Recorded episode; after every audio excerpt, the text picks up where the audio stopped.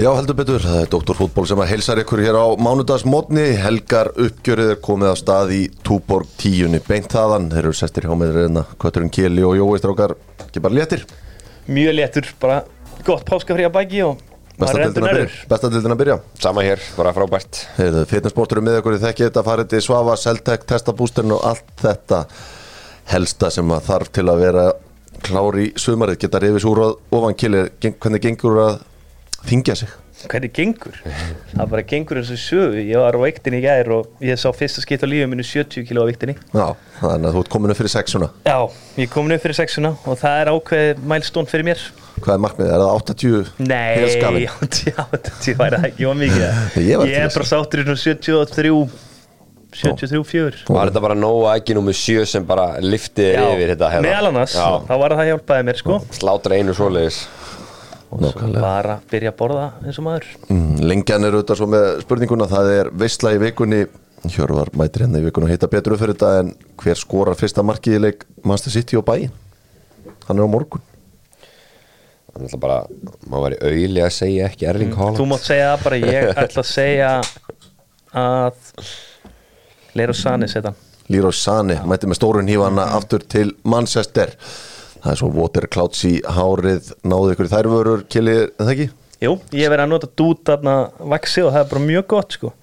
Svo sá ég að nýjasta mótel er, er Þórður Ingarsson Hann er veist, þeir ná að plata hann í að nota skeggvörunar Þá er þetta gott stöf sko. Hann er rosalega rót Þekkjandi Dotta veist, er, hann er ekki alveg típan í þetta en hann er greinlega að nota þetta. Já, nákvæmlega. Svo er að Tjekkland 15% afsláttur ef að doktorinn sendir ykkur látið vita því þegar þið tjekkið ykkur þar inn og að endingu nóg að gera í bíkó um helgina margir að fara í pallaráðgjöfuna þar erum við nú bara með einfalda spurningu núna þeir eru svo hrifnir af Nathan Eik. Hann er svona ein af hetjum premjið líka á þessu tímabili óvænta hetjan sá kannski ekki margir fyrir að hann myndi spila alla þessa leiki sem hann hefur gert en hann kom til Englands árið 2011 frá hvaða félagi mætti hann til Chelsea Jói? Fænort Já, ég bara, ég er ekki með það er bingo í sal. Það Fænort bingo í Var Fænort eða PSV Já, nátt Byrjaði, Lítið gullit eins og var alltaf kallaður fyrst að hann kom til Chelsea. Byrjaði fyrir sinn í Adoten Haag Mætti svo til Fæinort og þaðan til Englands. Verið lengi á Englandi og núna að springa út. Herðu, við ætlum að fara í stórum mál með einari á Wonder Vibesið. Góða, það er stór dagur í dag. Besta deildin í fótbolta. Kallamegin byrjar í dag Og aldrei byrjar svona snemma. Allavega inn á höfuborgarsvæðinu Fáum bara blíðu. Já, heldur betur Þetta er geggja viður Það leit ekkert vel út í Nei, maður er búin að sitja inni alla helgin og hlusta á veðrið, berja á glukkunum hjá sér en svo byrja boltinn og þá byrjar sólinn að skína. Við ætlum svona bara í, svona, í þessum lið að fara yfir svona hlutina sem getur gerst í sumar. Tíu spurningar sem ég sandi fyrir strákana. Og til að við fá svona einsýn inn í sumari þá er gott að hlusta á að við byrjum bara þér Kili hvaða lið verður Íslands meistari Breiðablík saman á því og Breiðablík og með ekki minni yfirbörðum enn í fyrra. Ekki minni uppbyrðum enn í fyrra, ok, ekki spennandi mót. Ef að Jói hefur rétt fyrir sér hvaða tölið falla Jói? Þegar ég var með ég er með Keflavík aftur þó við brendum í illilega í fyrra og svo Háka Keflag og Hákon Ég ætli fylki og háká. Fylkir og Ég Hákon bara hef það mikla trú á Sigaraka og ég sé þessa erlendur leikmenn aðeins svona bæði í leikjum og svo hef ég verið eitthvað að með guttan að leika mér og dottinn og æfingar?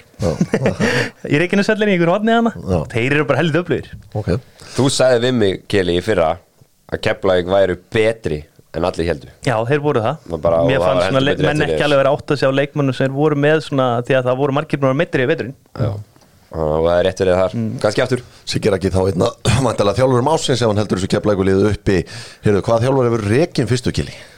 Ég hef komið inn á þér, það er Jón Sveinsson. Jón Sveinsson. Já, mér finnst einhvern veginn alveg sami andi og stemming í fram. Mhm. og ég held að þeir getur byrjaði brasi. Og þá kveð menn að breyða til að þótt þetta sé eins mikill örgla, það er örgla engin jafnvel konkur í sínu félagi og þessi Nei. ég held að hann geti líka bara svona stíði til hliðar sko, með þeim.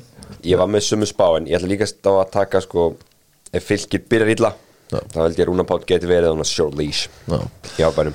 Tveir líklegir þarna Mónum auðvitað bara engi verið rekin. Heyrðu, hver tekur guldskóin Jói? Herðu, ég var með Stefáninga ég var að spáði hann í 20 mörgum metinu hérna um daginn, ég ætla bara að halda mig við það. Það var svona á bekknum reyndar hann Já, það var ekki gott. Nei. ég ætla bara að halda mig við það, mér finnst það gaman. Heyrðu, ég ætla að segja Nikola Hansen Nikola Hansen fari í ég held að guldskóin muni mæða svolítið mikið á honum í markaskorun og með að hvernig hann breytti þessu vikingsliði meistara Já. meistarana þá verður Patrik verður samt alveg í hælunum á honum. Verður heilur mán Heyrðu, hvor mun koma fleiri mörgum í val? Adam Ægir eða Aron Jó? Þetta er góð spurning. Ég held að verði svipað. Ég held að segja Aron Jó Því að ég held að Aron Jó muni mæta það reyður inn í þetta tímbil eftir svona Það var alveg fínn í fyrra og við sjáum alveg hvernig Valur spilaði með hann og án hans. Ég held að hann muni verða helviti öflugur sem var Valur þarf að báða með þessu leikum að halda. Og ég vona innilega að Áron Jón komið með þetta engri mót sem Já. Kjell er að tala um. En ég ætla að segja til að peppa hann ætla að segja Adam Ægir Svo líka sko mestara mestarana Nei mestara mestarana Úslitum leikibæjarsins Hann var náttúrulega bara á bekknum Því að hann var bara á bekknum sko. Það var ekkert flóknar það. Það var Adam Addi Ægir var besti að honum. liðsins. Þannig að, verður að fá í top 6 Jói? Nei, ég heldur vinni fórsöldabikarin er Ná öðru hverju með einu línu og enda því miður fyrir neðanna En kannski bara aðeins, ég held að þetta verði rosalegu pakki frá fjögur og alveg mögulega í átta. Ef við erum með sko þú veist, Stjarnan, KR, FH mögulega IBVF og KA þetta getur verið alveg bara mjög þéttu pakki. Þetta pakki getur orðið Getur Káa verið í barátt aftur um þessi efstu sæti? Þegar endi í öðru sæti fyrir Geta þær aftur verið þannig Já. Með að við leikin þeirra á móti val þar sem ég fannst þetta bara betri aðilinn.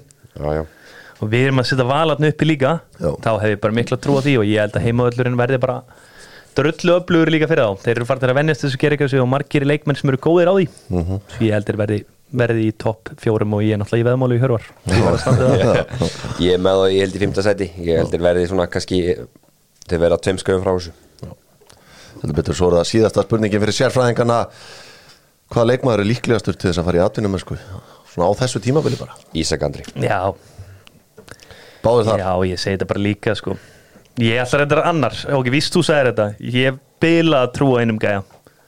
Það er hlýnum fyrir Karlsson í val. Mér er sem voru góður. virkilega flottur í vetur og ég held að bara aðalmálið fyrir hann í sumar verði bara að finna réttu stöðuna fyrir hann. Bara hann getur spila hafsendjúbu miðmaður og hæri bakur Það er bara, það er aðeins erfiðar að selja þessa, þessa tegunda leikmanni út sko. það er það. Þa, það, er hérna svona kannski það sem hindrar kannski þetta en hann er búin að vera frábær þessa leiki sem hann hefur spilað með vali, tekundi það lakkan til að sjá hann í kvöld.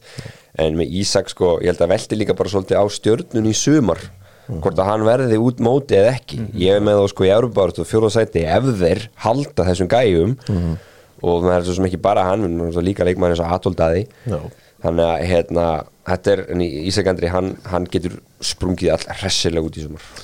Kannan að sjá það, við ætlum hins vegar núna að að vinda okkur yfir í Akro and And it's live. munið það kiki í Akro appið verið að braska í hlutabrjónum heyrðu, það kom á fyrstæðin langa. Við vorum alla búinir að loka hurðinni hérna, nei þetta kom 15, við vorum alla búin að loka hurðinni hérna á miðgutæðin jói þegar að skilabúin hrundin að FH var að sækja bakvörð, var að koma heim. Já. Og við fórum á grófum og fundum nafnið, Hörður Ingi Gunnarsson er mættur í FH, hvað gerir hann fyrir þetta lið, hann rúmt ári í atvinnum sko Já, við erum komið tilbaka. Menna hann hefur verið þannig að hann hefur verið að rótira svolítið mikið í þessum bakarastöðum, hann, hann heimur á undirbúinstæðanbylunu Já. og hann er greinlega bara að þetta hefur verið fórgangsmálhjöfum fyrst þið fara að sækja hann. Og maður spyr hvað verður þá um leikmann eins og áspjöld sem FH hafði mikið fyrir því að sækja? Já, síðan. Og borguðu fullt af peningu fyrir hann hann hefur ekki verið að spila mikið í undirbúinstæðanbylunu og, og maður heyri það að, að já, hann sé reyna bara til sölu. Kili, hvað finnst þér um að fá sæki í hörð? Er þetta styrking? Já, ég myndi segja að þetta væri svona meira stabil, stabilitet í bakurinn því að áspjörn er svolítið viltur Hörður er einhvern veginn miklu meira solid leikmaður en ég held að Hörður sé að ekkert að fara þú veist, velta einhverjum húsum sko. Finnst hann ekki þannig spilar hann er ekki að fara að negli hell líka stóðsendingum og gefa þeim mikið sóknarlega. Hann bara mun vera rock solid 27 leiki í hæri bakurinnum og það er bara flott fyrir að fá sko. Spilaði 21 leik með FH 2021 var svo seldu til Sogdal í Noregi.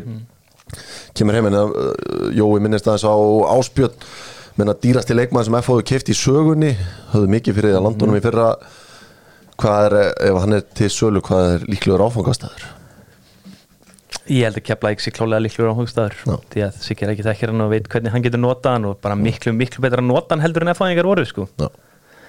hann hefur verið líka bara með hann hinum einn þú veist, hann að vinstri bakverðinum og jafnvel á kantinum sko. Og leift honum svolítið vera svona frjáls eins og hann á að vera bara. Já. en annars hægri bakverð, ég sé hann ekki alveg þessi top 6 fylgir Já, mjög. Unnar Steinn hefur verið að spila hægri bakverð þar. Hann er djúpur miðmaður, ég get alveg sé fylgitakan líka fylgitakan uh, kemur allt í ljós. F-fangur allavega að sækja menn. Erum við að sjá eitthvað fjör á markanum svona við tölum um val hérna í síðasta þætti þeir eru alveg aktíf að leita. Já, já. en kannski ekki til í hvað sem er. Nei, nei, og svo sjáum við hvernig þetta fyrir að staða núna. Já. Það hitt oft líka eitthvað ofta á paniktakkan svona þegar tvær þar umfyrir eru búnar. Þá fyrir fólk aftur á, að fara formenninir aftur á markaðinn og þjálfverðin og reyðir og fara að sparka upp hurðinni og áður en illa fer eins og þau segja. Já, og menn finna einhverja peninga til að gera eitthvað. Já, einhverja kistur, einhver staðar. Þannig að þessi markar er í búin og nóg eftir að gerast, sem ekki á neina á gera því. Maður hugsa kannski til markaðarins skilju og að það verði einhverjir súrir í grænum hluta kópás í kvöld þegar þeir einfallega komast að því þeir komast ekki í hóp. Já, það var akkurat það sem ég hugsaði þegar hún nefndi þetta. Já. Það alveg verið eitthvað sem maður getur hugsað bara úst, á ég að fara að lána líka bara kannski fyrir bara tímbils Já. svo tökum við stöðun aftur því að þá verða blikar mættir í Evrópakefna full sing og svo var að meðis Svo ég geti alveg trúa að kannski eitt, tveir leikmenn þaðan færa láni í kvöld sko, eða færa láni Eftir á morgun eftir kvöldið. Hva, Hvaða leikmaður er til dæmis bara til dæmis að fyrir að vera mögulega út úr hóp í kvöld? Ég veit ég verið að setja þetta, á það spott já, hérna já, sko. þetta eru svona, myndi ég segja Klæmi Dólsen Eithor Völler, Ágúst Orri. Ég held að þessi gæðar séu frekar tæpir. Mm Mhm. -hmm. Ágúst Orri getur ný, nýst hellinga liðum í þessari del, til dæmis bara Keflæk og Kantin har Völler 2005 líka. model Völler líka en Völler gæði nú sterklega út að hann ætlaði ekki að fara fett sko en hjá hann og ég held til dæmis að hann sé á undan klæmynd sko, af því að hann getur líka að spila fleiri stöður. Hann getur dottið út á báða kantana og fleira líka en klæmynd náttúrulega er bara vesen því að að henda honum aftur til ennis í runnaðík og þeir að lána hann annað sko, því að hann er alltaf bara láni sko. Já, þetta er einhvern veginn uh, kannski flókin flétta en ég, það er eitthvað sem segir mér að Clement Olsen verði í hóp í kvöld og ég bara Já. skori. Já. einhvern veginn verði svona óvænt. Og að eftir, eftir, alla, eftir alla umræðan í vetur Já. hann mæti með nývana sína Óskar talaði mjög vel um hann í vitalum dagina þannig að hann mætti alltaf og það verði ekkert vesen á hann ég held að hann fíli það. Maður horfir kannski eitt leikmann sem getur orðið pyrraðar að það við rættum þetta nú bara svona rétt fyrir þótt en Alexander Helgi Sigursson kominn aftur var frábær í meistara meistaranna og þá er einhvern veginn minna pláss fyrir Ólífi Sigurjónsson. Allavega eins og sæki standa auðvitað getur þetta breyst á mjög stöttum tíma. Það eru lið sem að er að leita þessum típum að leikmanni, menna hann getur orðið hot property. Já, ég meina þessi leikmar er bara svona erfiðast að finna á Íslandi svona sexa sem að er fýtt varnarlega og getur dreift boltana vel. Og það er liðan og hlérandi sem vantar leikmann sko, ég stuðu akkurat Haukur Páll er ekki að fara að höndla 27 leiki sko, við höfum séð það á síðust árum. Ég held að breyðablík sé hugsanlega eina liði sem Ólífið Sigurðarsson kemst ekki í í bestundildinni þannig að þú veist, ef hann vil fara þá held ég að bara nánast öll liðin ég, held að vikingum myndi taka. Já. bara eina heartbeat sko. Fullkomir í placement, kannski fyrir Júla Mag en ég held að þetta sé samt pæling sem við þurfum að velta upp svona alvarlega eftir tvær þeirra fyrir Já. að sjá þú veist hann ekkert byrjað á bara í kvöld bara byrja í kvöld sko. Já, en. það er heldur betur þannig við ætlum að fara að skoða þessa leiki. Íslenski boltinn með kjarnafæði sterkari lausnir. Var ekki eitthvað grillað um helgina strákur? Kili klúraði Herri, ég var í opninu um helginu og þar var ég bara allt niður mig sko. Já, sterkar á grillinu. miður út af verðinu og það verður dustar ekki að grillinu um helgina. Það var, var með grillinu lambalega á föstu en langa Já. Það sem við spanna hjá doktornum en, en við brutum þá reglu. Heyrðu, minnum bara það að fantasy-leikurinn er farin á fulla svingi, ég er búin að setja upp mitt lið og mér er bara hvet fólk til að gera gerir þetta skemmtilega að vera með lið. Þó menn séu kannski ekki einhverjum deildum víða að vera með lið allavega. Markaður nópin í smá tími viðbót. Bara að fara að skoða alla þessa leiki. Þetta er heil umferð í dag.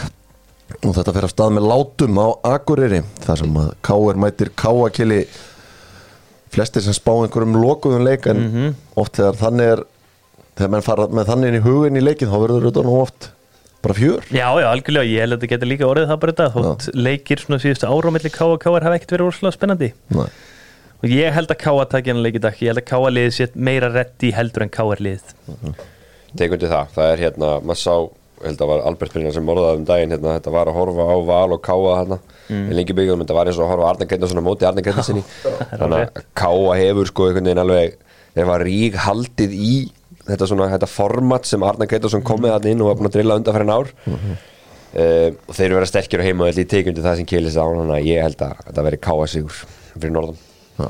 Meina, þeir eru kannski þeirra vandamál fyrir sumarið það að bara finna út skoraði sem mörg sem að nökkvi skoraði. En þeir eru kannski með eh, betri breytti, þú veist, Hallgrími Mar virkar meira fitt en bara á sama tími í fyrra. Þeir eru með betri breytt fram á þið, já. Pætur klárlega. vinnur okkar geti gert eitthvað. Og svo Sveit Margir verið að spila upp á topp og svo er Ásgeir og Elvar Átni hann svona í einhverjum Harli Villard líka. Fengur hann alltaf frá Þór og hann getur orðið hörku bara svona impacta bekknum til dæmis, hann er svona gaur sem getur sprengt upp leiki svo þeir verða einhvern veginn að dreifa mörkunum vel á milli sín eða það þarf einhver að taka hitan sem ég einhvern veginn ég held að fyrir það sem ég nefndi muni frekar gerast. Já. ég held að sé engin einhver svona bilaða markaskorur eins og nökkvið sko. Getur við séð, þú veist, Hallgrim Mar fara í 12-14 27 leikjum, já, já. ef hann verður í standi þá held ég að hann geti það klálega Ég sé Svein Margir fara í pluss þessi 10 10-12 pluss 10 og Svein Já. Margir, ég er með hann þar ég held að hann sé, hann kom, hann spilaði mjög vel í fyrra. Mm. kom svona sterkur eins og stekla undir lokin þannig að ég sé svona, það er mikið potential þar. Já, Hallgrim Mar var með nýju í fyrra í 27 leikjum þannig að hann er nú svo sem ekki langt frá því. Kannski gleymist í allir þessu umræðum nökkva að Hallgrim skilaði alveg já, sínum mörgum Káringar er svona aðeins að mixa þessu upp minna aðeins komin yngri yngri kreðsa í þetta Jói Bjarna og, og fleiri er, veist, geta Káringar verið spennti fyrir sumurinu Já, ég er alveg bara spenntur fyrir bara hverjir að þessum ungu strákum munu byrja í fyrsta leik því að við vitum hvernig þessi fyrsta leikir eru þetta er ofta reynsla og svona. Já, já, þú veist, menn er að fikra sig áfram. Ég vil bara sjá Rúnar henda bara inn Jakob Frans, Jóa Bjarna Benóri Breki því miður ekki komið leikheimild. Nei, ég var að ok. skoða það í ger Já. það er eitthvað tómt vesenan með hann og Ítalíu sko. Þeir, er nenni ekkit alltaf að svara í síma. Það er við staðal vandamáli sko, valsara hafa líka verið að lendi í þessu. Það er svo að ég vona að þeir tveir allar byrji. Já, Káringar þurfa kannski bara að fljú út til Ítalíu finna mennina og láta á kvita á þetta félag skipta blað, heyrðu á sama tíma er það leikur fylgis og kepla ykkur og þarna strax í fyrstu umferð eru lið sem eru svona, er spáð í kjallaranum. Já, það er bara tónnin settur svolítið. Og ég held að væri að kemur ekki á orðið sæjum sko, fylki koma svona hratt út úr, út úr svona hérna blokkonum blokkunum í, í þessu leik. Já. og ég held að svona styrkleiki styrkleiki fylkis í þessari deild núna er að Rúna Páll hann kann alveg að verjast bara til já, og, þú veist, og hann kann alveg að bara drilla liði þannig að þeir þurfa ekki að neitt sérstaklega fallegan fótboltaði vilja það.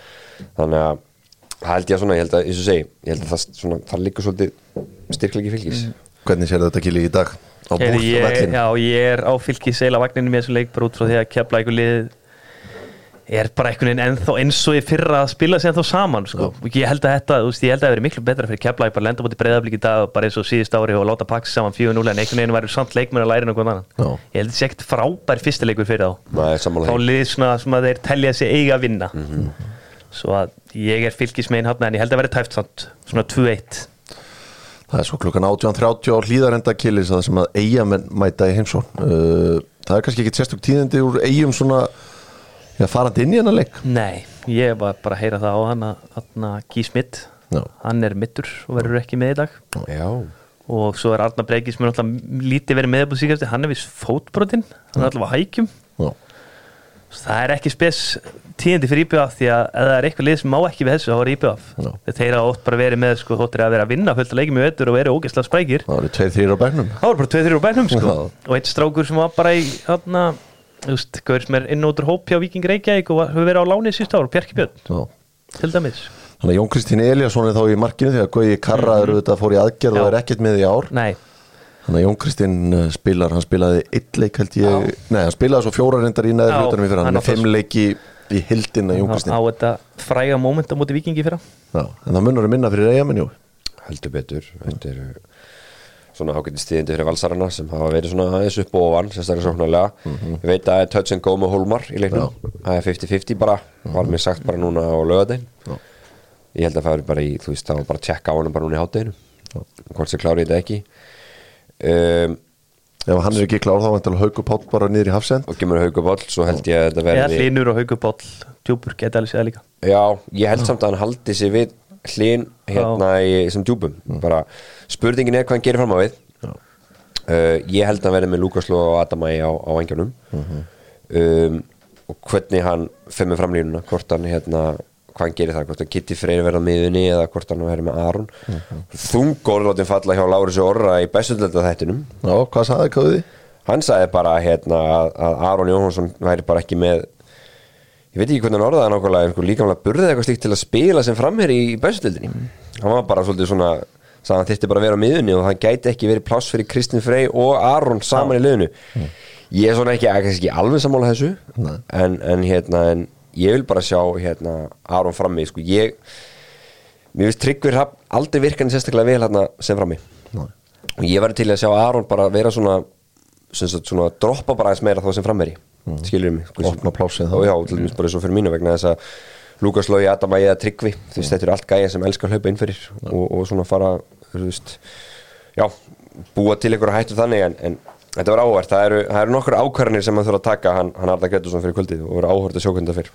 Heldur betur í Garðabænum er það svo vikingur sem að kemur í heimsókn og þetta er kannski sá leikukili sem er á vona á fyrirfram mestu spennun í og með þessu skemmtunni held ég Já. líka bara.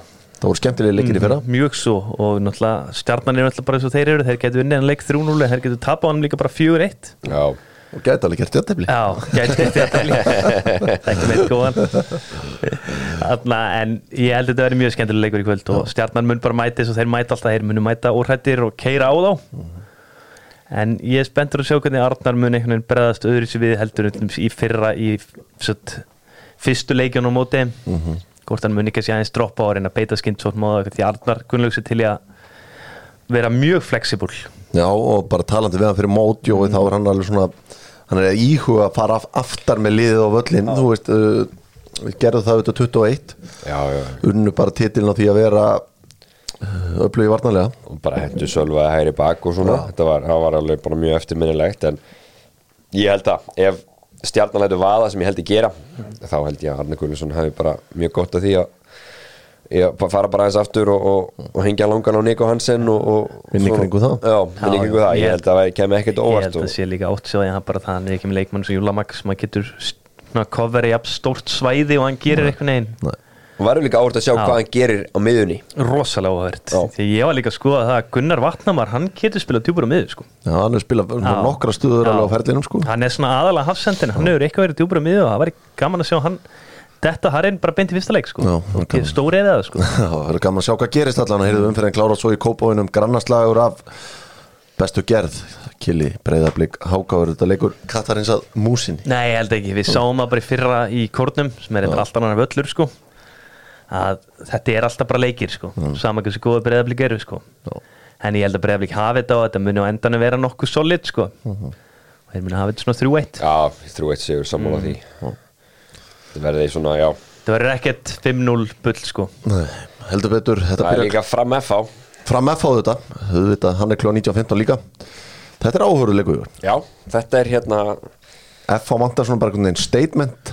Já, Setja tóninn. Þeir eru einhvern veginn svona Hvað se- segir maður? Þeir, þeir eru þetta var rosa jákvæmt fyrir mánu það er aðeins svona vatna Svo þú veist fengur þetta Morten Beckmál hefur einhvern veginn uh, Þú veist, þó ég held að, held Það fari ekkert mikið inn í klefan Þú veist, ég ætla að leiða mig bara efast um það En, en það er einhvern veginn svona lita umræðan í kringum félagið. Og tapa múti IPVF. Já, svona, svona mi- mixed results eins og maður segir. En á samaskapi, það er búið að breyta svolítið miklu að hana Það eru spennandi leikmenn komnir inn, þú veist og það er spennandi bara, leikmenn sem eru sko bara uppgritt, sindri markið og svo framvegis Þannig að, að það gemur ekki óvart ef bara F myndi koma með svona kannski pillin pínlindi óvart að sigur hana F á vinnur hann leik. Ég er bara þar. Er hann að fara að byrja með Kjartan Henry eða Úlf Ágúst upp á topp eða verður hann með Kjartan fremstan og Úlf á kantinum? Hvað, hvað sérðu? held að fara aldrei úl á kantinn. Ég held að hann byrja með kjartan henni í dag. Já. Ég hef þá tilfinningun Já. er komið í ljóskort að Úlfur sé á leiðin í skóla eða ekki? ég held að það sé bara klapp og klárt. Já, er það klárt, ok. Það- það Því að mér fannst aldrei það komin eitt eitthvað staðfistík á það þótt að það verið eitthvað munga veldur. Ég held að sé klárt og það er svona eitthvað sem fer alveg verulega í töðanar á, á hérna heimi Guðusinni maður heyrði þarna hann svona stutt eftir þetta og hann virtist ekkit rosalega sátur en að vilja sjá hann býtt einbílu viðbútt sko. Já, kannski út frá því að hann hefði bara átt möguleika aðtunum mm sko, þegar hann bara tekið eitt alveg tímabil með 14 mörgum Já, eitthvað, sko. og hann líka svona öðrísi sendir oft en við höfum hérna sko. stór og betur. Þetta byrja alltaf í dag, byrja klán 2 Það er tveir leikir þá, svo eru bara leikir klán 18, 30, 19, 15 og 20 þannig að hvetjum fólk til þess að kíkja á völlin ætlum að fara í söguna með sjó á munið að þið tryggið ykkur ekki eftir á. Heyrðu, það voru þessum degi 10. apríl ár 1999 að Mohamed Al-Fayed, eigandi Fulham búið sérstaklega gesti á leik Viggan og Fulham í næstefstu deild. Það var söngvarinn Michael Jackson. Þetta var hans eina heimsókn á Craven Cottage en 12 árum síðar. Heiðruðu þeir heimsóknina og reistu stitt á honum fyrir utan völlin maður gerður að heiðustunismanni fyrir að mæta á hann eina leik. Og stittan góða er þar fyrir utan og hann hefur stundum kallað the greatest supporter og fúlam það var svona eitt móli til að fara með inn í daginn. Við ætlum eins og að vinda okkur bara í enska boltan með Jóa útverja og Fíl Æsland. Kikið Jóa. Geggjaði nýju skotnir sem að Erling Haaland er í hjá Nike. Væntalega að fara dett inn hjá Jóa Herðu, við byrjum bara á því að ræða enn skúráslitina Íslendingar eiga aftur fulltrúa í þeirri deildjói heldur betur, Nafniðin nafni minn, Guðmundsson. Já. hérna og hafa maður sem meira er, hann er bara líkilmaður í þessu liði. Já. svona, þú veist maður veist sem einhvern veginn þessi gluggi fyrir núna en, en Þeir eru í félagskipta banni eins og er. Já, þannig að það verður ekki maður veit ekki hvað gerist, þeir eru nú vongur um að þeir geti Já, aflétt er það ekki? Jú, Já. eitthvað eitthvað. Nei, en bara það er, það er, veist það er bara gott fyrir okkur sem þjóða eiga fulltrúa í, í, í ennskólaslitinni og líka bara gaman að sjá hvernig Jói hefur svolítið svona uh, hvað segir maður, svona endurfundið sig sem leikmann. Veist, hann hefur svona veginn gengið ekki mendun í lífta það var ára heldur þreytt hjá dæsarannum hjá honum. Já, skrokkurinn held ekki. Nei, og, og svo bara líka, þú veist, hann er bara orðið núna miðumöður gaman að sjá það í svona eitt, einu best spilandi fótballaliði svona hérna eh, í Championship en svo líka þú tekur svona metrika af hann okkur heldur stráður um þetta á Twitter sem að sagði hvað, hvað börnlega eru svakalega eru gott fótballalið Mhm. á sínu lefili, hvernig hann halda boltan um og pressur og allt þetta þannig að þetta er, það er gaman að sjá börnlega það verður allt annað börnlega sem við sjáum hann að stíðanbili Við erum fróðið að sjá hvernig er heimfæra þetta í Premier League þennan leikstíl kynni. Já, ég held þeir verði bara einn eiginlega alveg eins því að við höfum séð að þeir hafa verið að spila spikarleiki Já. þeir hafa bara svona svolítið gefið þetta góð og látið reyna á þetta sko Já. Reynda á Við vorum að það var þetta aðeins svo mikið sko en kannski na, ég held að kompani stilli sig kannski aðeins af þar. Já. en það sem börlið þarf náttúrulega bara að þeir komast úr þessu félagskiptabanni það er fyrir mér 1, 2, 3 að sender sko. Annars er ég alveg til að gefa flestum svona, sem stundum að börli leikmönnum að bara einhvern veginn sensin til að byrja með sko. svo er þetta að fara kannski frekar í ykkur panik ef að það gengur ekki upp sko. Heldur betur kannski stærsta áhugjörni þeirra Jói bara í sumar er það að halda í Vincent Kompany þau höfum alveg séð Tottenham Rúmor. Já, þú veist það getur ykkur önnurlið bankað. Þeir þurfa að halda í hann. Já, hvernig eru samlingsmálun hans? Er hann ekki bara á Jú, hann er bara samning já, og tvö tímabilið viðbútið eitthvað sko. Já, ok, ég meina oft vilja menn oft taka eitt sísón sko, en að sama skapi, hann veit kannski að þetta getur mögulega bara hérna að fara ítla ef þau get ekki kipt leikmenn og svona. Já. þannig að hann veit að hlutabrinn í sér er há núna. En er hann ekki með það samt, maður hugsaði þetta einhvern tíma þetta komum daginn sko að taka við tóttina og segja tökum það sem dæmi. Þú getur svolítið bara sprengt þig, þú veist brunni og hlutabrina og geta hríðfallið mjög hratt ef að illa gengur þar. Svo núna og samt og lett í Já, en ef þú fellur með börnlega þá fjælstu bara með börnlega og þið voru með lítið budget og félagskiptabanni mögulega Já, það og varstu- allt í steik. því að draumurinn hans er náttúrulega labbað hann yfir á ethi að völlin einn daginn sko. Já, ég held að þú veist, árann og svona orðsporið sem Vincent Kompany hefur í fótballtaheiminum, það mun alltaf gefa honum alveg eitthvað gigið viðbútt hann er bara þannig. Já, það er stór munur úst. ég skil Graham Potter að fara í Chelsea því að mögulega færa hann sérs aldrei aftur út bara lísliðinni en ég held að sé allt annað dæmi með kompani þóttan eins og þú segir muni falla með börlum og hér muni spila skemmtilega fótbolt og allt það þá mun hann einhvern tíma fá þú veist, þessi top 6 lið, það er bara pottitt en við eigum Íslanding, hann verður 33 ára þessu ári að koma inn í premjali hver er, þú veist, hvað, maður, hvað er næsti? Er það bara Hákon Arnar nærið sem einhver starf annar staðar ég hef alltaf bundið vonir einhvern veginn við Elias og þetta Brentford dæmi sko. Já, maður var með leið þar. En það var bara að koma sér inn á völlin aftur? Já, það er nefnilega vandamálið. Sko maður var líka, þú veist, maður, maður er alltaf að býða eftir að Kristján Hlinsson Já. komist í þú veist, já, og bara alvöru fótbolta þar og verði þá svona hérna, einhver vara til þess að selja. Alltaf þegar maður sér þann gæja með utut og einum og það maður bara, herru, vá bara, þessi gæja er bara ekkert eðlilega góður. Þannig að já, ég myndi segja þessu þeir tveir. Heldur betur. Annars er bara enginn sem er dettur í hug. Bara ekki neitt sko því miður.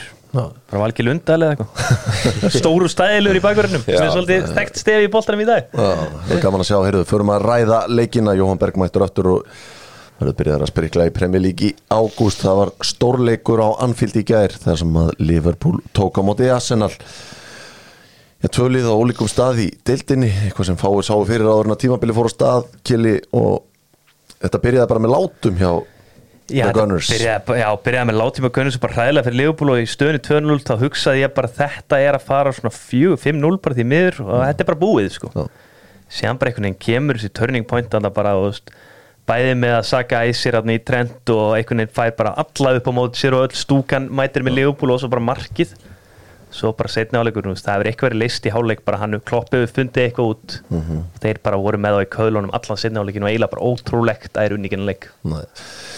Jó, þetta voru Gabriel Martinelli sem að skoraði fyrsta marki og Gabriel Jesus hann með setna marki, við sáum auðvitað í sum, sérstaklega setni markinu þegar að Trent er tekin hann og, og snýtt og Van Dijk er í, vesinin í teiknum, þetta var svona það sem við verið að sjá svolítið hjá Liverpool vandamálinni í vetur alveg bara fullkomlega, hann var náttúrulega bara ball watching, hann, hann Van Dijk uh, þú veist, hann, hann lítur, er með hann svo horfður hann bara á boltan og þá fyrir Jesus einu metra frá honum.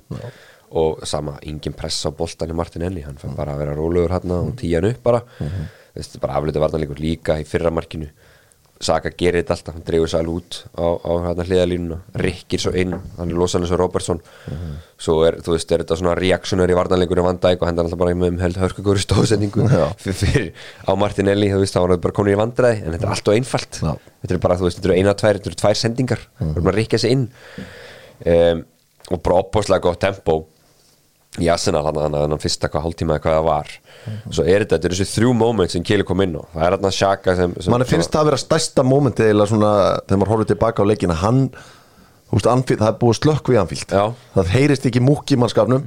Þá ákveður hann að upp á sitt einstæmi að kveikja hans í vellinum og það er kannski eitthvað sem þú átt ekki að gera sem Nei. anstæðingu Liverpool. Bara hann og Trent fara þarna í Haus í haus. og svona, þá kemur svona, svona reyði á Anfield ok, svo skoraði hann alltaf strax.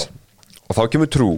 Og svo aftur lendi Trent í ykkur vesinat út í hægra megin. Þá er hann bara sko maður hausa og ég mann hérna þú veist þá tala um út herri hann nátti að fá raukt en sáðu hvað hann gerði þá, var svona öskran á stúkuna og svona baðaði út höndunum og segir Trent ekki oft endilega að gera þetta. Hann er ekki líklegast í gaunin þetta. En upp frá því mómenti þá var bara brjálu læti allan leikin og bara innkasti fagna. Þetta var eins og okkur Evrópukvöldi sko hann á móti Barcelona eða eitthvað og þú veist þeir að svona alltaf voru þeir bara frábærir í, í, í setni hálfleik. Og maður sá svona þú veist þeir líka bara ma maður horfði á þú veist Andy Robertson. Já. þú veist hann var sko gönnandi upp kantir hérna allan, allan setni hálfleikin alveg brjálaður.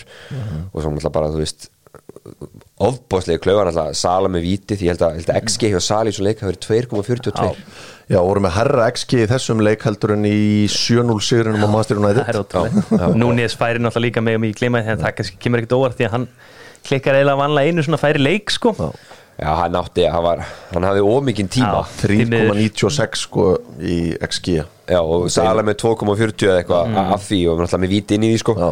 sem svo náttúrulega infleitar þetta en og svo náttúrulega Varslan hjá Ramstel hann í lokin og eiginlega einanu líka þú veist, Mm. þeir voru bara og, Konat er ævillin hann þegar hún tekst ekki að Nei, chest ekki ræðvillin Akkur sparkar hann ekki í Það bolta er því hann er varnamæður þetta er ástæðan fyrir hann er varnamæður hann er eitthvað þegar hann að bjarga þessu. Bara svona chestan á markmannin bara. En að, að því sögum, ég var Konati frábær í þessu setnafáling bara trekk í trekk og átan hérna Gabriel Jesus. Og tæklingin að sjaka náttúrulega kveikti líka Já, rosalega í þessu sko. ef hann hefði svaðaleg. ekki hittar, það hefði Já, verið rauðast Heldur betur þetta endaði 2-2 og eins og þeir minnast á þá voru færin Leopold megin en það er kannski eitt atvik sem er mest rætt eftir þennan leik það er Andy Robertson en geð ekki aðstóðadómari Konstantín Hasitakis ef ég ber þetta rétt fram hann svona virtist olboga Robertson, hvað, segið um það? Þetta var eitthvað rugglað sem hefur séð sko þessi dómarar þeir eiga bara vera þú veist þeir eiga, eiga helst ekki að sína sérstaklega sko aðstóðdómarar þeir eiga bara einhvern veginn ekki að sína neina sérstaklega tilfinningar einhvern veginn. Þú veist og þá ef, ef það gerist eitthvað þá er bara að reporta til dómarans og hann tekur þá í rauninni bara beitið þá gulum eða rauðum spjöldum eða tiltali Neini, hann bara hérna hann, hann lemur frá sér. Hann, bara gerir það. Það verður gaman þessu framvindinu Ég held að hann sé búin úr tímbilið 100 bróður En ég held að það er kannski gefa hann eitt sem sé búin Þetta verður einhvern veginn sjallað sko. Já, það er allan að komið frá þeim að þetta verður skoðað og eitthvað verður gert. Í þessum þætti er mikið búið að tala um það hvernig svona verið að pródúsera þætti erlendis, hvernig svona menn eru settir í karaktera og ég held að það hefur komið best í ljósi í gæra á Sky Sports þegar Roy Keane var að ræða þetta atvik. Hann ætlaði að þykjast að vera eitthvað voða reyður, svo fyrir hann bara að hlæja. Hlustið. And what's he complaining for? I said at half time, Robertson, what, what, what a baby. What a big baby. Just get on with the game. Baby. Honestly. Child. Right, we're going to finish by talking about Þannig er Rói Kín eitthvað að reyna að raun yfir Andy Robertson en svo er hann bara brosandi allan tíma Já, já, það var bara Það var bara að tala við hann hann og segja bara, heyrðu, þú ert að vera á móti þessu kalli minn, þú veist, annað meika bara ekki sens, við verðum á eitthvað sem er einhvern devils advokat, sko. Það var bara ekki hægt, Nei. þú veist, bara því miður. Og þetta var bara, þú veist ég eiginlega bara vorkinni eins sem að lása þetta og urðu reyðir, að hafa einhvern veginn bara trúa því að hann var að reyna þetta, sko. Já, þetta er einhvern veginn ekkert að pyrra sig mikið á þessu en pródúsentinni er honu vantilega sagt honum að vera pínur reyður þetta er stig á kortlið uh, þetta stig opnar gluggan fyrir Master City í topportinni Þetta gefur þeim núna svona smá blóð á tennunar um, bæði lið með þetta í sínum höndum. Já, það er náttúrulega þessi leikur sem inni og þessi fræga innbyrðisviður mm Já. En þú veist, þetta gerir það að verkum að City getur að sagt sig sjálf og sig, herri, núna erum við bara með þetta. Þú veist, og City hefur farið á svona rönn. Þeir eru búin að taka held í átt í rönn núna Fyrir hvað sé betur við það eftir Þess í öllum keppnum. En, uh, þú veist, þeir geta bara að klára þetta Þú veist, þeir eru þannig lið þeir, já. þeir geta bara núna sett í fymta gýr og bara unni restina. Og þá ekki koma neinum einhvern veginn óvart. Uh, Þannig að já, þetta, þetta gal opnar þetta.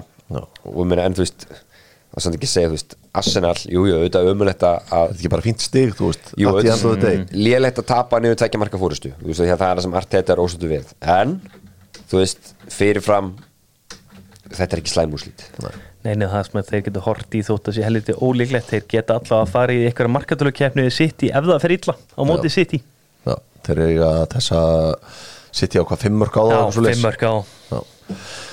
Áðurum förum bara, förum svo næst í sýttileikin Leikinni sem liðin eiga eftir eru þessir uh, Arsenal á Vestamúti Southampton heima City úti, Chelsea heima og Newcastle úti, það eru þessi þrýr leikir frá 27. april til 7. mæ sem að svona kannski flestir horfi að séu erfiðustu leikinir og svo er það Brighton heima, Forrest úti, Wolves heima síðustu þrýr City á Leicester heima, Arsenal heima Fulham úti, Vestam heima, Leeds heima Everton úti, Chelsea heima Brentford úti og Brighton úti. Þeir svona, þeirra erfiðustu leikir eru kannski þessi Arsenal leikur og Brighton úti velli. Það ekki, jú, Brentford úti er linda líka alltaf drullu erfitt, sko. Síðasta leik tímabilsins. Já, það er, veist, ekki það ég heldur vinnið alltaf en, en svona, það er leikur sem er svona já, þú veist, Brentford eru góðirar Já. en, en já við mann svona, svona líður að þetta sé aðeins aðeins þægilega prógramið sitt í Já, þetta er það er líka bara eiga sko, þeir eru að Brighton í síðasta leik, svo er það ekki Nei, það er á eftir að dagsetja hann Ok, ok, Það er út af þetta- þessum já, það er, bikar já, og- það er doppul. Já. Ég held að þið, þeir að vera hefnir með að ekki að Brighton eru eiginlega líklega búnir sko. við komum inn á það eftir bara, þeir eru ekki sens og til með sjampa lík lengur þeir þurfa bara að tryggja League Já. Bara svona til að loka þessum Arsenal Leopold þetta stig gerir ekkit mikið fyrir Leopold það eru 12 stig upp í mestaradeildina er, þú veist, er von eða? Nei, nei, nei, bara engin möguleiki. Bara sér hvernig liðar að spila, þetta er alltof gloppótt einhvern veginn, þú veist, þeir geta átt eitt góðan hálfleik eins og í gær, Já. svo bara munur er eiga næsta leikar, munur bara líða leir og ég, ég held að aðal pælingin bara hjá Leopold og allt það sko, það sé bara næst tímbil og hverja kaupið sem var sko. Já. ég held að sé bara komin á og ég vona bara ég lendi ekki í þessari sambandstelt sko. Nei, bara lendi frekar í níunda heldur en þarna. Er ekki sjöunda. líka liðin sem eru að keppa að þessu mestaraldasennum eru líka bara á helviti góðu skriði. Já, það verður frólægt að sjá. Master City eins og við sögum þeir unnu, fóru á heilaðan Maris og unnu þar fjögur eitt sigur. Erling Haaland og Jack Grealish þetta eru jói menninni sem að bera þetta upp í þessa dagana sónalega heldur betur. Og svona, De Bruyne slæðir svona takka Já, líka með þeim en já, gaman að sjá Grílis Grílis er ekkert sérstaklega góður finnishir Nei, nei. Sáðu þessu sem sem kemst hann í gegn. Þetta er svona frekar svona Til lægi skot, svona er að reboundinu sko Svo fekk hann annað svona færi og satt hann framhjá. Ef hann væri með svona deadly finish Af því hann fær svo margar svona stöður Í hverjum leik.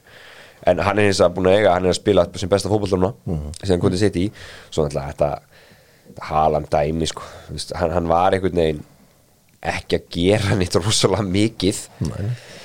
En það sem er gaman að með sitt, ég menna hann alltaf er búin að kollvarpa kerfinu aftur á Pep. Núna undan fyrir leikjum og núna er hann að nota sagt, Rodri og John Stones í doppul pivot sagt, John Stones kemur hann upp og já, þegar þið sækja. Já. og eru svo með þrjá hafsenda þar fyrir aftan og þetta er bara, þetta er bara 5-5 leikjörfi sem hann spilar. Og svo ítir hann bara þá Mares og Grílis bara alveg upp. Og svo eru miðjumennin hann að hlaupi kring og þetta er, þetta er ógslag spennandi en, en þetta er svona peppa, peppa yfir sig. Já, en ég get ekki beðið eftir að hann og Túkel mæti hver öðrum í ykkur svona dæmi sko. Að verið fyndið, það er rétt. Það er góða skák. Já, Gundok hann einhvern veginn fer upp í Já, já, já. þetta er uh, mjög flæðandi allt saman en Erling Haaland skoraði tvö mörg í, í þessum leik og er komin í 30 stykki 27 premjörleikjum er ekki rétt muni, þannig að metið er 34 sem að sér er og Andi Kólega og Mohamed Salah líka það ekki? Mó Salah líka þeir eru 34 og hann er bara hann klára það. Já, já, það. spurning bara hvort hann er upp í 40 það er alveg líklegt að þá. Já, það eru nýju leikir eftir á City þannig að miða við taktinn þá ætti hann að ná því ef hann spilar flesta af þessum mínútum. Julian Alvarez setti svo hann að fjórðamarkið þetta voru tvö frá Holland, eitt frá Grillis og eitt frá Alvarez. Eru Southampton, er það eina liði sem við getum bókað að fallið það? Já, ég horfði á viðtalið við þjálfvaran hann eftir leik. Uh, ég mann ekki eins og eitthvað sáka ég heitir Ruben Selles Já, sko, það er einhvern veginn þegar þjálfvaran var að segja, já, við erum að næsta leikur við erum inn í öllum leikjum. Já, og þetta inn í öllum leikum að þetta er orðið svona, þetta er orðið þungt en sko með, með Sándón að þetta er ungt lið. Ég held þessi gæði sem margir hvernig á löngu samningum þeir geta held í droppa niður og haldið sama parasút payments og það allt. Já, já. ég held að vera beint upp áttur já, já, þetta, ég held að þetta sé bara fínt fyrir það er líka með hann Arnesen, danska Já.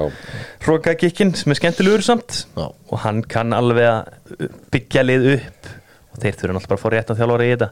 Þú veist, ég fagna líka eiginlega bara einu. Þú veist, James Ward Prowse er ekki bara komin tíma og þú farir í eitthvað svona topp áttalið og bara seti leikinu upp á aðeins hæra level. Fara Því að hann getur það klálega, já, til dæmis. Já. já, Hvað er, uh, hann, já, hann er 29 ára á þessu ári. Hann þarf að halda sér í prem til þess að auka spynnu Já, hérna, hann já, þarf að já. vera á svo meti áfram sko. Ég held að hann geti samt alveg spilað góður fram á 33 fjara því hann er það léttur einhvern veginn og Aldrei gert út á neitt hraða. neinin, enga veginn. Heldur betur, Master City með sigur og eins og sögum á hann þá er þetta 6 stig núna City á leik til góða og þennan leik innbyrðis. Haldið þið, úst, maður er fann að bara hall- hallast að því að City vinnir hreinlega bara restina. Já, ég bara maður, maður, þú veist að þylja upp þessa leiki. Maður sér ekki hvað er eiga að, að, að klúra skilur en svo af stundum á þessu tímabili hafa þeir klúra óvöndum hlutum. Já, og þú veist, þetta munið hérna leikurinn fyrir Háan Pásson á móti Brentford og eitthvað svona, eitthvað svona sem maður bara skilur ekki hvað á sér stað sko en það er samt núna komið svona nú erum við svona, þú veist, business end of the season sko. og þá einhvern veginn er Pep rosalega upp á, upp á löpunum þeirra kemur Fó- rót er að minna. Já, svo kemur fótinn aftur inn í þetta. Hann er búin að jafna sig á sínu hvað hvað var gallblæðan, hvað var það? botnlanga- Bótlanga bólga, og hérna hann það ekki, það eitthvað bara breytan í hafum já, ég veit það ekki, það er erfitt að veiða gegn þeim. Jú, jú, ég er alveg búin að heyra í svona mínum bestu vinnum sem halda með Arsenal- Arsenal og bara bjóða þeim upp á áfalla hjálp Já. bara segja þeim hvernig þetta er og svona virkar þetta bara, þú veist, ég er sjálfur verið já. Þú veist, og þeir eru bara að fara að vinna rest sko. þetta er ekkert að það, þeir munu taka þarna sitt í að því að þetta örglega bara jarða á sko. Það er miður, já, sjálf mitt ég. Já, það heldur betur. Myndum okkur yfir í hinn hlutan í Manchester. Manchester United tók á móti Everton í fyrsta leik helgarinnar. Já, þetta var eins ólíkt Sean Dice fótboltómar mm. ímynda sér hann því að Manchester United fekk urmul af færum fyrsta hálftíma það var allt opið þannig hjá Núkust það var bara eitt langur inn fyrir Já. og menn voru komin í gegn og mér fannst einhvern veginn bara Erik til að veiða svolítið Everton og Sjón Dæs framar á öllin og svo nýtta sér einhvern veginn bara svæðin á bakvið sko. þetta var hrikalega vel gert hjá Manchester United því að ég held að Sjón Dæs hafi lagt upp leikin hann eða hann hefði bara viljað liggja í kringu tegin og þar áttu þeir bara að vera sko. Sammála því. Complete domination sko. þeir áttu að vera búin að skora bara miklu fyrir og þetta bara áttu að enda stærra sko. já, þetta, var svona leikur upp á fjögur, jáfnir fimm nú Mm.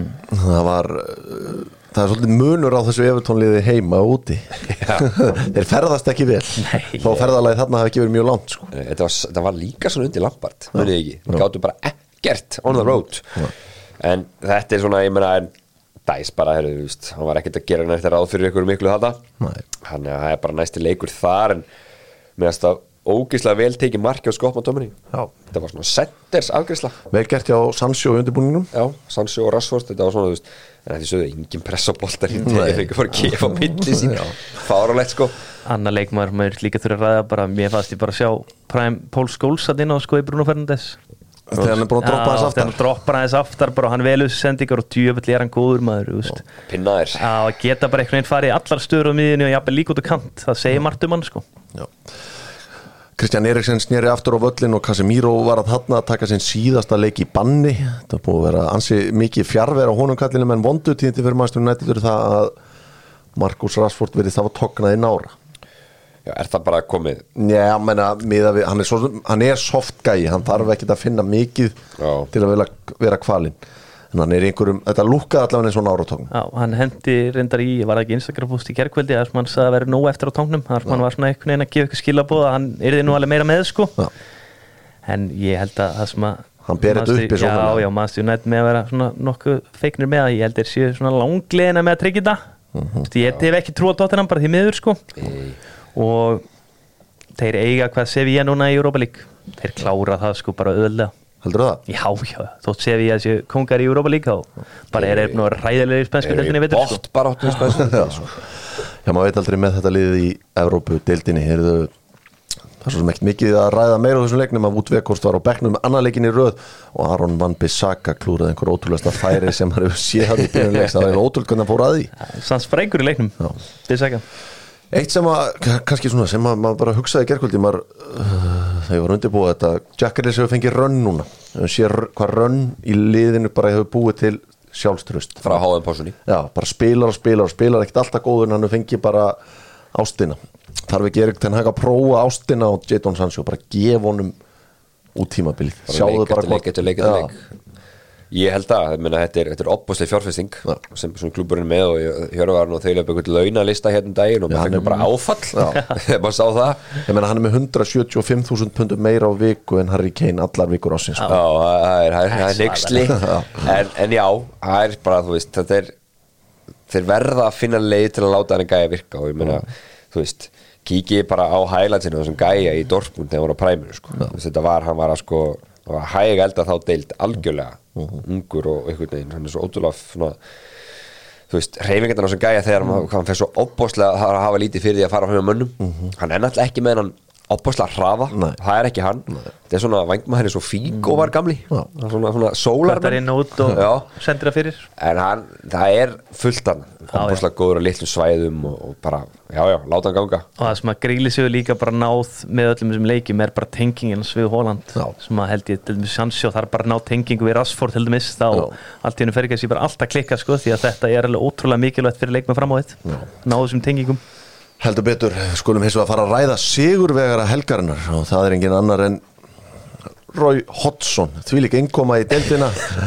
Hann fór á Elland Róti í gær hendi í fimm mörg og útivelli já ég var með hann að leik svona á og masterinn saman sko. Og, og svo endaði ég bara með að horfa þannig leik í setna þess að það bara pala sem hefði ekki getað keift sér mark bara allt tíðanbylun það var allt inn í aðeim þetta var, þetta var ótrúlegt og menn hann eins og Jordan Ayew og, og, og, og fleiri góðu menn og loksins, loksins myndi þessi Mikkel já, á sig. Af hverju þessi gæi var svona hérna ég bara, maður veist, maður haft trú á honum. Mm já, já hann, var, hann var eftirsóttur þegar hann var keftur og hann valdi Palas upp á mínútur og ég er svona velti fyrir mig okkur bara, hann laði ekki meira tröst á hann Viera það segir held ég kannski bara heldur margt um Patrik Viera sko. Kemur ekki, eh, sko, þessi sigra núna sem að Roy er búin að sækja, tveir í tveimur. Ég láta Patrik Víera líta pínur illa út. Skelvilega, líka bara þú veist þessi leiku sem unnu hann fyrst uh, móti hvernig var það áttur Wolves. Vúls, já, þar voru þeir miklu betri. Já. og, og hérna voru að skapa sér alveg endalist á færum. Þannig að, að hérna, þú veist, þetta, hann er bara búin að hann er búin að vekja liðið. Bara einhvern veginn, að einhvern væru blundi sérstaklega sóknarlega. Þeir voru um þetta lester um þetta lestir, já, um þetta lestir, já, það er rétt. Um, Ebris Ese hann, hann búin að vakna. Þannig að þessu segi, bara geggjaðu sigur, og sama skapi þá bara lít sko, þetta var hörmungar framist ég kom, ekki, ég kom aðeins inn á Twitter í gæðina, það eru nú ekki allir sem lusta með Twitter eða fylgjast með á fullu þar. Bara pæli í hvað Jesse Mars er bara búin að sláta þessu lítið stæmi hann er búin að fá svo marga gæðan inn sem eru bara alls ekki nógu góðir sem voru hans menn, hann er þjálfa áður eða verið einhvern veginn involveraður þeirra ferli, hvort þeir séu kanar eða hafið spilað hjá honum í Salzburg. Uh -huh. prófst tökur dæmi, veist Vestum að kenni hann er í engu standi sko. Nei, nei. bara engu standi. Svo þessi Rasmus Kristjansen verið að byrja verið að koma inn á, þurfti að koma inn á að gera þetta Junior Firpo mittist í vinstri, mm. bakvörð ekki nógu góðu fyrst mér og hefur ekki verið það í vetur. Mark Rokka veit ekki með hann gæja. Brendan Aronsson enga veginn klári í þetta. Nei, 2000 mótir. Já, þú veist, eiginlega eini gæinn sem ég verið almennilega hrifin að sem hann hefur sótt er Maximilian Wöber sem er mittur núna keftin hann út er þarna í Já. janúgluggunum sem er bekkjamatur og maður sér síðan þessi gauðra sem hafa haldið svo lótið var Rodrigo framan af. Bamford Jack og- Harrison. Jack Harrison og Bamford sem hann sem kemst inn á öllu Pascal Strák, hann hefur líka verið fínn í vetur. Passastrák, þannig að þetta eru bara þessi, í rauninni Bielsa Mhm. liðið sem einhvern veginn er að delivera. Og maður er svona að sér að eini gæinn sem svona virkilega ætlar sér ekki að falla það er Jack Harrison Já, Það var að skrifa undir nýja samning og svona var að bara í vikunni. Það var náttúrulega að tala um að hann myndi þá fara næst sumar ef hann myndi ekki sæna núna. Já. en, en það er fínt fyrir að halda honum en þetta er farið að líta bísna illa út. Maður held svona að ekkert síðan myndi að þú veist, að þetta er, svona, þetta er alveg þokkala varna sinna mm hann myndi einhvern veginn svona já, lemja það einhvern veginn saman en þetta lítur ekki bara er ekki með nú varna sinna leikmenn einhvern veginn það sko. Nei, þeir eiga samt ágætis prógram á næstunni, þeir eiga reynda Liverpool heima næst sem að er erfiðuleikur svo er það Fulham, Leicester og Bournemouth í þryggjalegja hrinu sem Já. er náttúrulega að segja svolítið til um. Já, fúlamörnum svolítið kvarnin á ströndina bara. Já. En já, svo er þetta bara, bara fall, það er svo gaman að það er svona mikið fallsporta. Það er eiginlega allt sem er innbyrðis leikir Já. ég vona bara að lítið svolítið sér upp í ég hef alltaf allt gaman að lítið svo sérstaklega undir Bielsa. Þeir þurfa bara að finna einhvern skemmtilegan þjálfara sem að gerir þetta heilum hug en er ekki að sækja frændu sína sko. Ná, það er gaman að spá uh, hvort að Marco Silva sé farin að beita gömlu Steve Bruce taktikinu þegar hann var með vinkan hérna eitt tímabilið það voru búin að halda sér upp ég það voru fimm umfyrir eftir eða eitthvað. Já, þá sagði hann það var bara það var ekkert að flækja þetta, það var bara leikur lögði svo sagði hann bara, heyrðu, sé ykkur á daginn já, það var bara sex dagar frí og svo smá taktík og leikur og svo aftur bara sex dagar frí. Þannig að spurning hvort að Marco Silva sé farin að beita þessum bröðum en ríkalega góðu sigur fyrir Rói Hodgson sem er búin að núna með þessum tveimur sigurum koma að palla 60 frá fallsvæðinu og væntalega bara höfum engar ágjörðað nei, ég hef ekki ágjörð að með og er það margir segir þetta fram á því sem maður getur chippað inn líka. Herðu förum á Tottenham Hotspur völlin þar sem að Brighton var í heimsón Tottenham, Gili, þú horfður á hann leik allan. Já, hvað getur þú sagt okkur? Heyrðu, 2-1 sigur Tottenham. Já, 2-1 sigur Tottenham, mjög ósangjant að mínum að því að Brighton voru miklu betri í þessum leik bara frá upphæði til enda. Þetta mark sem að dæmta Kærum í tóma mjög spest í rétt áður en að hann tekur bolt, við boltanum þá ítir Kristján Romero í bæki á sammála. Víti, nei, hefðu við getað hort framjá þessi var því þetta snertir það lítið höndunum já, finnst þetta að vera hend, nei, bara mark sko. Þetta er bara já, þetta er svona öxlin sles efst á bæsefnum Já. Svo þetta mark sem er dæmda er að Danny Welbeck dundrar í Alex McAllister. Mm. Hann er með bara höndina alveg fyrir líkamann. Svo áttu er að fá víti líka og mér þetta bara bull.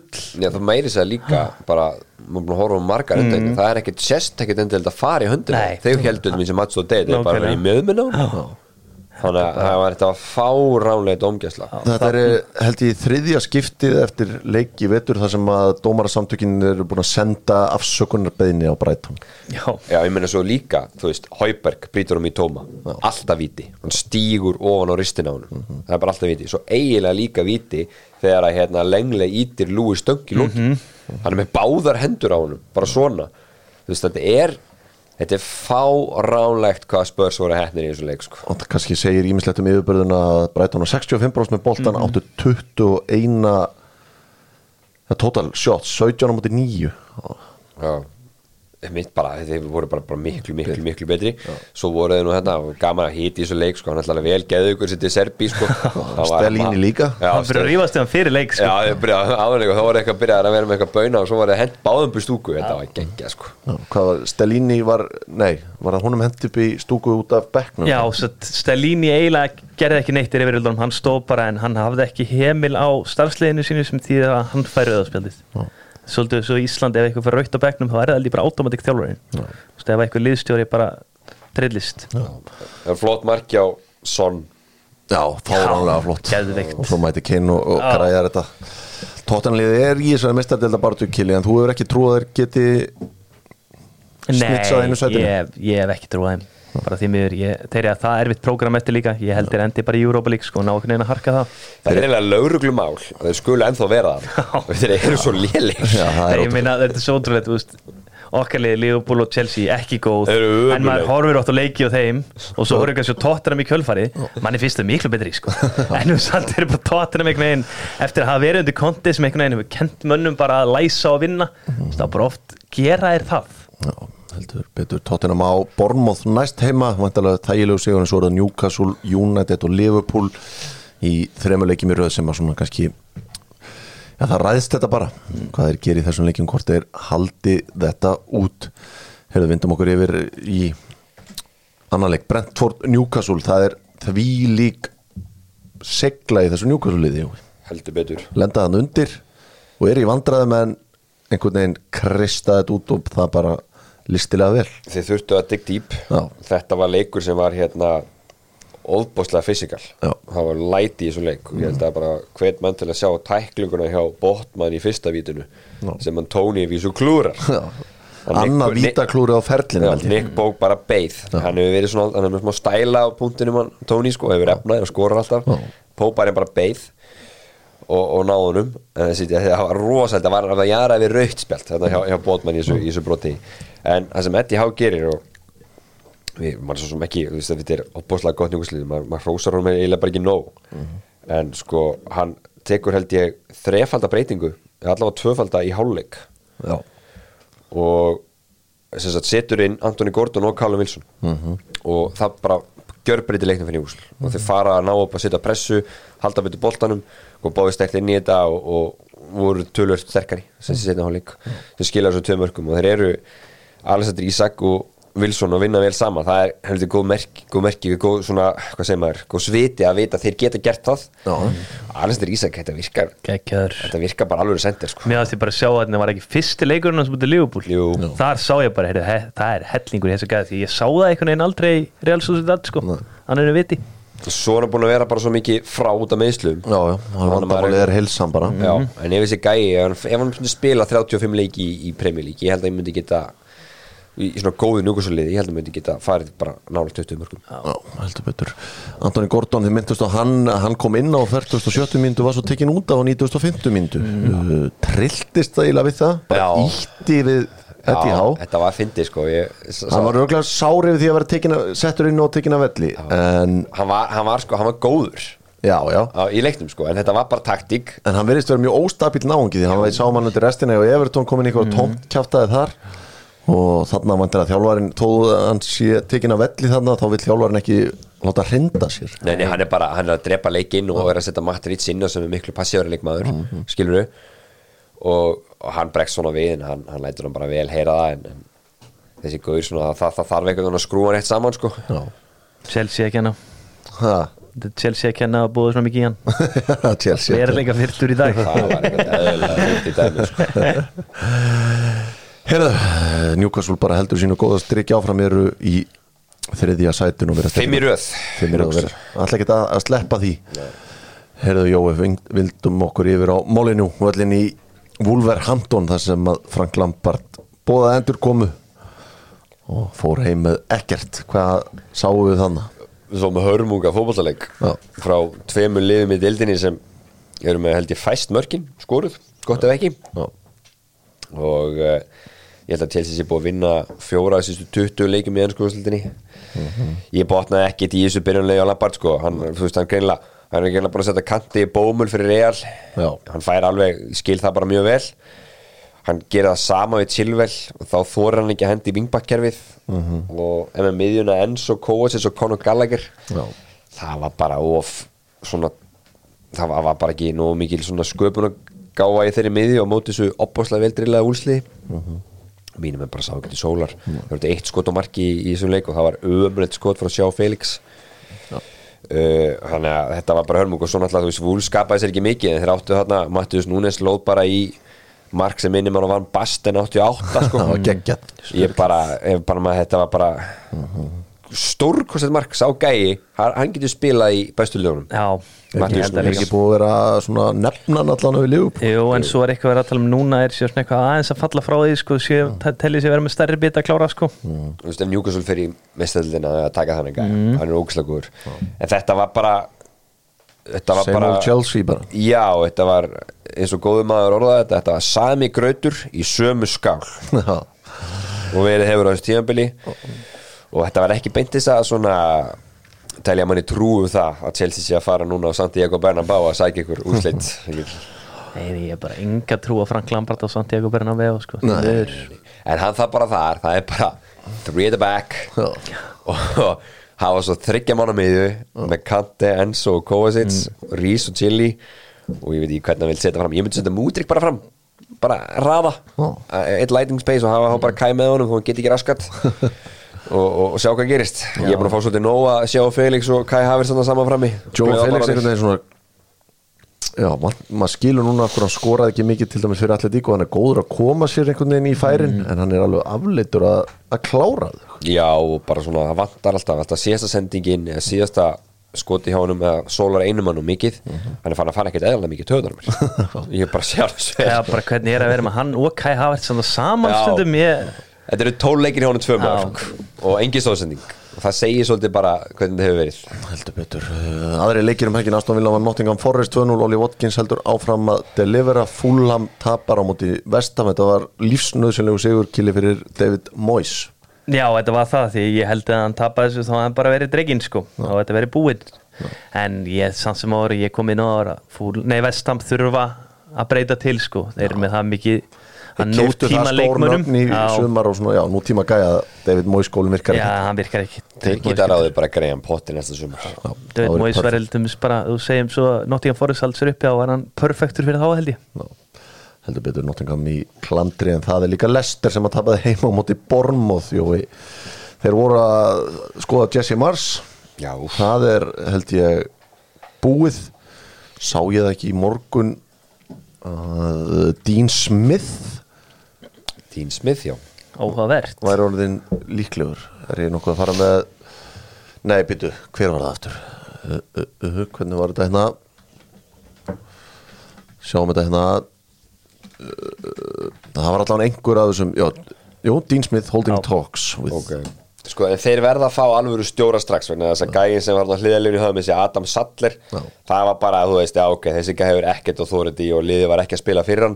Munið þegar Wolves voru með hérna gömlu kallana hérna, áður en þeir riðu lópa teki já, Já, þetta var þannig dæmi. Já, Þetta já. var bara svona eitthvað bull.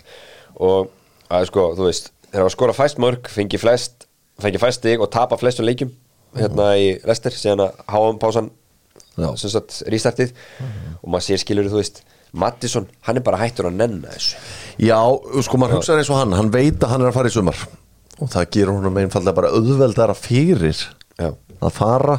Hann gefur þetta mark í þessu leik Ég svo sem ekki, þú veist, ég ætla ekki- að segja eitthvað þannig en, en þú veist, þetta er bara gauð sem maður sér að getur og hann var svo sem eini sem var eitthvað að reyna en þetta er bara, þetta, þetta Lester dæmi þeir eru bara einhvern veginn ekki með lífsmarki. Ég held að vera allt og góður til að fara nýr hann er fara að nota tími varti aftur fram. Já, já, hann fer svona þú veist, þeir eru með Ian Acho sem myndi alltaf skora meira.